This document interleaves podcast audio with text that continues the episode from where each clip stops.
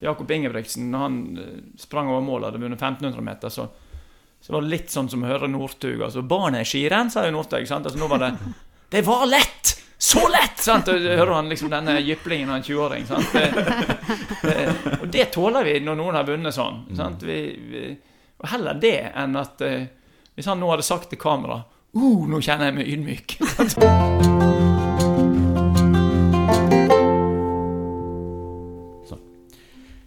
Hjertelig velkommen til Søndagspodden, søndagens tekst på en fredag. Mitt navn er Andreas Velsin. Ved min side har jeg Gyre Cecilie Nygaard. Og tilbake, og prest og professor og alt som er. Alt som er, er Bård Nordheim. Veldig fint. Godt å ha deg eh, tilbake, Tusen takk. Bård. Jeg må bare si Det er utrolig flott å være tilbake igjen her. Og jeg må bare si at jeg kjenner meg veldig ydmyk og stolt overfor det. Ydmyk og stolt. Er du litt raus òg? Ja, absolutt. Ja. Eh, Apropos, eh, apropos det. det. Vi har jo vært vitne til en takketaler eh, den siste tiden. OL har jo Det er mange som takker og er voldsomt ydmyke av idrettsutøvere. Og det har vært en Amanda-prisutdeling, og det er støtt og stadig nye sånne plasser der en kan ha takketale. Og da er jo liksom gjengangeren, i hvert fall jeg har lagt merke til, da, er at da er man forferdelig opptatt av hvor ydmyk man er. Mm. Eh, og det har jeg alltid syntes har vært veldig, veldig rart. ja, du har liksom den typiske altså, Det er kanskje ingen bergenser som har holdt akkurat den takketalen, men det ville vært å si sånn Jeg har bare lyst til å si at jeg kjenner meg eh, utrolig ydmyk og grusomt stolt. Sant?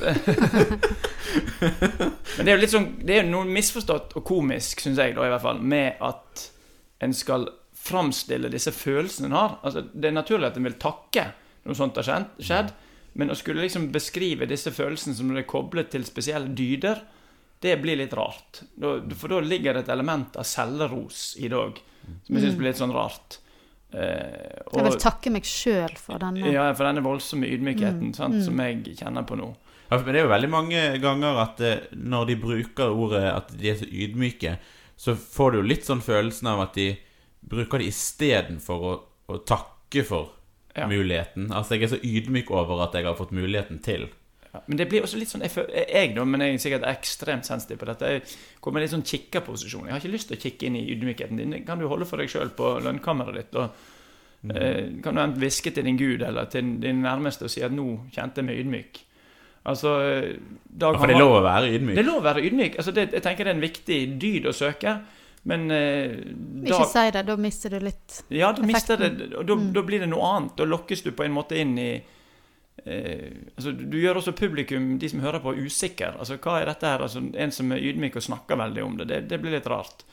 Eh, jeg syns en av de beste setningene om ydmykhet var eh, det som eh, tidligere generalsekretær i FN, svensken Dag Hammarskjöld, skrev i sine dagboknotater i veimerker. Altså Målet på sann ydmykhet er ikke det å tenke at en eh, setter seg sjøl lavere enn andre, men det er å ikke sammenligne seg.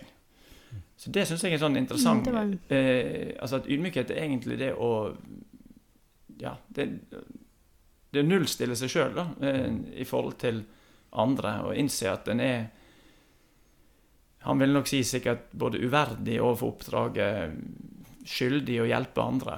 Eh, Men disse tingene hører mest hjemme i selverkjennelsens rom, og ikke som sånn noe en brisker seg med i en takketale. I en takketale så får en jo takke, da, tenker jeg. Eh, Eller være glad. eller ja, det går an å si. Det er yes, altså.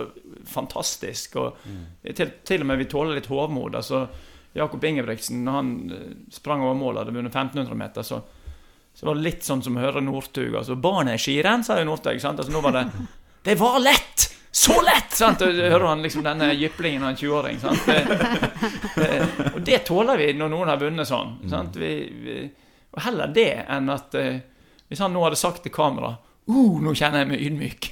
Så hadde folk blitt kjempeusikre. Ja, det er sant. Det er sant. Vi skal lese teksten, og så ser vi om eh, Kanskje vi kommer inn på ydmykhet seinere. Det kan være, vet du.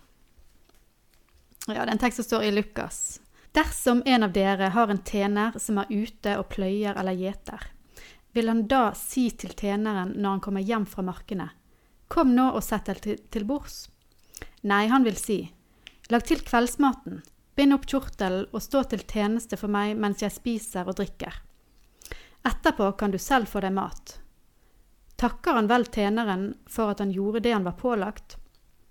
På samme måte med dere. Når dere har gjort alt som er pålagt dere, skal dere si, vi er unyttige tjenere og har bare gjort det vi var skyldige til å gjøre. Nå eh, på søndag så er det vingårdssøndag, er det en eh, søndag som heter. Eh, og jeg tror vi hadde eh, vingårdssøndag med deg i fjor. Eh, og da var det jo en tekst der det var noen arbeidere på vingården. Yes. Eh, denne teksten har jo ikke vingård i seg. Eh, hva er det som gjør at eh, denne teksten, som liksom handler mer om liksom tjenere, passer så godt inn på en sånn dag som vingårdssøndag? Nei, og så er den, altså Hele tematikken på vingårdssøndagen, om det er den med den lignelsen om arbeiderne i vingården som står i Matteus 20, og der alle får én denar, eh, selv om de har jobbet i forskjellig lengde, så handler eh, også denne Her er det en formaning fra Jesus da, eh, gjennom et bilde. Så handler det om forholdet, mellom, altså forholdet mellom herre og tjener på den ene siden, men først og fremst hva det vil si å være tjener. Eh, og det er klart at For oss så er jo denne teksten litt rar, for vi er vant til et annet arbeidsliv enn dette her. Denne tjeneren her hadde jo ikke noe sånn eh, 37,5 timers Det høres veldig brutalt ut. Liksom En lang dag ute på markene, og så Du får litt sånn følelsen av at du liksom har jobba en lang dag. Hvis du ser for deg Og vi bruker jo vår egen arbeidsdag som, som Sammenligning. sammenligning. sant? Å jobbe en, en full dag på jobb, og så kommer du hjem, og så tenker du nå har du gjort ditt, og så har ikke du gjort nok. Så må du Nei, ut da, og du, får i gjøre hvert fall, mer. du får iallfall vite at uh, du kan ikke legge deg nedpå da, for da skal du lage til kveldsmat. Altså, tjener det på en måte er da noe du er hele tiden. Sant? Og dette Så jeg tror vi må, for å ikke misforstå intensjonen i lignelsen, så må vi sette oss inn i arbeidsforholdene på den tiden, og ikke forvente at uh, Bibelen liksom av seg sjøl gjenspeiler eller liksom meddeler oss et uh, moderne arbeidsliv med velferdsordninger og 37,5 timers uke. Nei, jeg liksom, jeg tenkte når jeg begynte å lese den, så tenkte jeg at ah, nå skal de snu opp på det. Nå skal tjeneren få lov til å sette seg ned, og så skal Sitte herren, bordet. Og, herren lage kveldsmaten til han da. Ja. Men um, det, Det jo, det motivet finnes jo definitivt i, i, i Bibelen, og særlig i Det nye testamentet, der Mm. eh, kanskje det er mest tydelig med Jesus og fotvaskingen. Så det er jo ikke sånn eh, at en skal tenke at dette er en sånn eh, blankofullmakt for å utnytte folks eh, tjenestevillighet. Men det handler nok mer om eh, hva type selverkjennelse du skal, eller selvforståelse du skal søke som tjener. da. Mm. At eh, som tjener i, og det er viktig å si, som tjener i Guds rike, for det er det dette er et bilde på, så er ikke så er ikke noe plass for hovmod eller selvtilfredshet.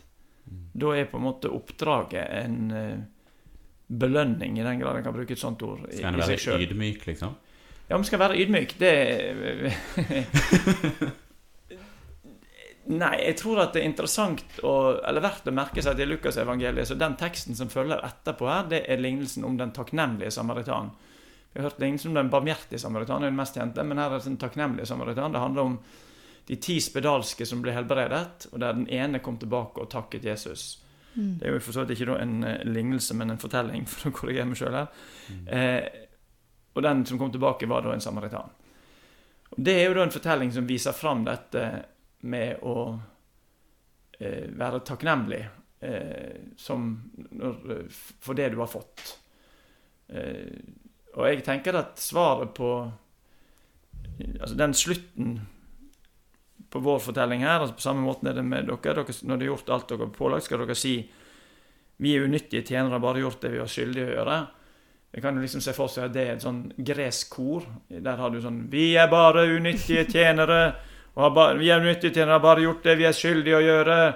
Altså sånn at en skal øve på å si det sånn monotont og i fellesskap. Det er nok ikke poenget. Jeg tenker at det handler mer om en selvforståelse, en selverkjennelse, eh, som ikke handler om å tenke smått om seg sjøl og utvikle lav selvfølelse, men tenke stort om det oppdraget en del av. Eh, ja. Det er det litt sånn Jeg tenker det er friksjon med å høre den teksten når vi kommer til den med alle våre sånne forventninger om hvordan moderne arbeidsliv er, mens her er plasserer den, prøver den å hjelpe de som denne teksten har skrevet for, til å forstå det store med å bli en del av Guds rike, og bli tjenere i Guds rike, i lys av deres vingårdserfaringer og erfaringer med å være tjener. Mm. Men så vi, vi, vi kan lære av denne teksten å liksom bli, være takknemlige for det, det vi får og får, får gjøre, men skal vi da òg Handler det om å være takknemlig for det som andre gjør? Eller Jo, det tenker jeg eh, altså nå kan du, er ikke det så viktig i denne teksten? Kanskje ikke i denne teksten. Her Mm. er det jo eh, Jeg kan innvende at eh, denne Denne herren eh, ble, jo ikke, altså, ble jo ikke beskrevet som en som takket tilbake. eh, Og er det egentlig ikke denne teksten han det handler om. Jeg tenker det handler om disipler som holder på å bli litt sånn hovmodige og selvtilfredse. Som da eh, Jesus bedriver ulike former for veiledning og hjelper dem til at dette, nå er dere del av et oppdrag. Dere skal ikke liksom sånn forvente at dere blir applaudert ved enhver sving. Så om, om noe så kan kanskje teksten brukes som en liten kontrast til eh, Eller en liten eh, snublestein, eller prø, noe å prøve seg mot for oss foreldre som har en tendens til å klappe for våre barn ved enhver sving. Sant? Altså Det skal deles ut medaljer ved alle, hvert høve. Men eh, kanskje så skal en få øve seg i takknemlighet. Ikke, mer fordi at Ikke for å tilfredsstille foreldrene eller for å lærerne eller noen andre, men mer for jeg tenker at et liv i takknemlighet det er et godt liv. Mm. Da, da blir du Altså Når du Da klarer du kanskje det der som var målet, eh, å ikke sammenligne seg så masse med andre, men være mer takknemlig, da. Ja. Mm. Og da, da blir det klart for deg altså det, Du oppdager at flere ting enn du tror er gaver. Sant? Eh, minner meg om det kommer på Vi fulgte en sesong med 'Mesternes mester'. Det ble litt komisk, men eh, han eh, Øystein Pølsa Pettersen, han skiløperen, han var med på en sånn, og han var jo liksom eh, muntrasjonsråd hele veien. og eh, Selv om alle ble sure, så ble han aldri sur. Sant? For han hadde et sånt motto som var 'Det er gaver, det. Det er gaver'. Ah. Liksom sånn det, alt som dukket opp langs veien, var liksom Det ble en gave. sant? Og det ble nesten litt komisk, for han sa det så mye. Men, men, men jeg tenker det er noe Det er noe med holdningen, da. Ja, det er holdningen. Og Mm. da eh, Takknemlighet gjør noe med deg, altså. Mm. Eh, og jeg tror det gjør deg mye bedre enn å uttrykke så mange ganger at du er ydmyk. Mm. Mm. Og det er jo også liksom problemet med dette med ydmykhet, er at det, det punkterer liksom du- Det vender fokuset kommer inn mot deg. Isteden takknemlighet, da vendes fokuset ut mot verden, ut mot det du har fått, Mm. eller de du skal være noe for. det. Hvis mor Teresa gikk hele tida og sa at hun var så ydmyk, da hadde det ødelagt liksom det ødelegger noe av Det var de fattiges Mm. nød som på en måte Mm. motiverte. mm. Hvordan eh, skal vi som, som eh, leser denne teksten Så er det jo Altså, vi er jo òg kalt til å være tjenere.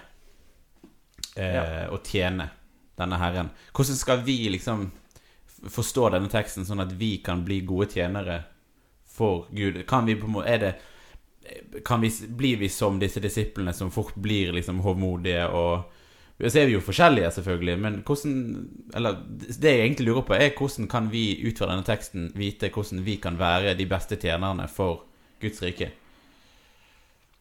Eh, altså, hvis en da leser eh, det som står rett før denne teksten eh, For jeg tenker at det, er ulempen av og til med evangelietekster, er at du, du hører et utdrag, og så ofte vil en jo ta inn det i prekenen, men her syns jeg det er særlig interessant. Altså Det som følger etter, er altså fortellingen om takknemlige samaritan, men rett i forkant så er det tre eh, Faktisk to små vers der det står apostlene, står det faktisk. Det er disiplene som sier til Herren, gi oss større tro.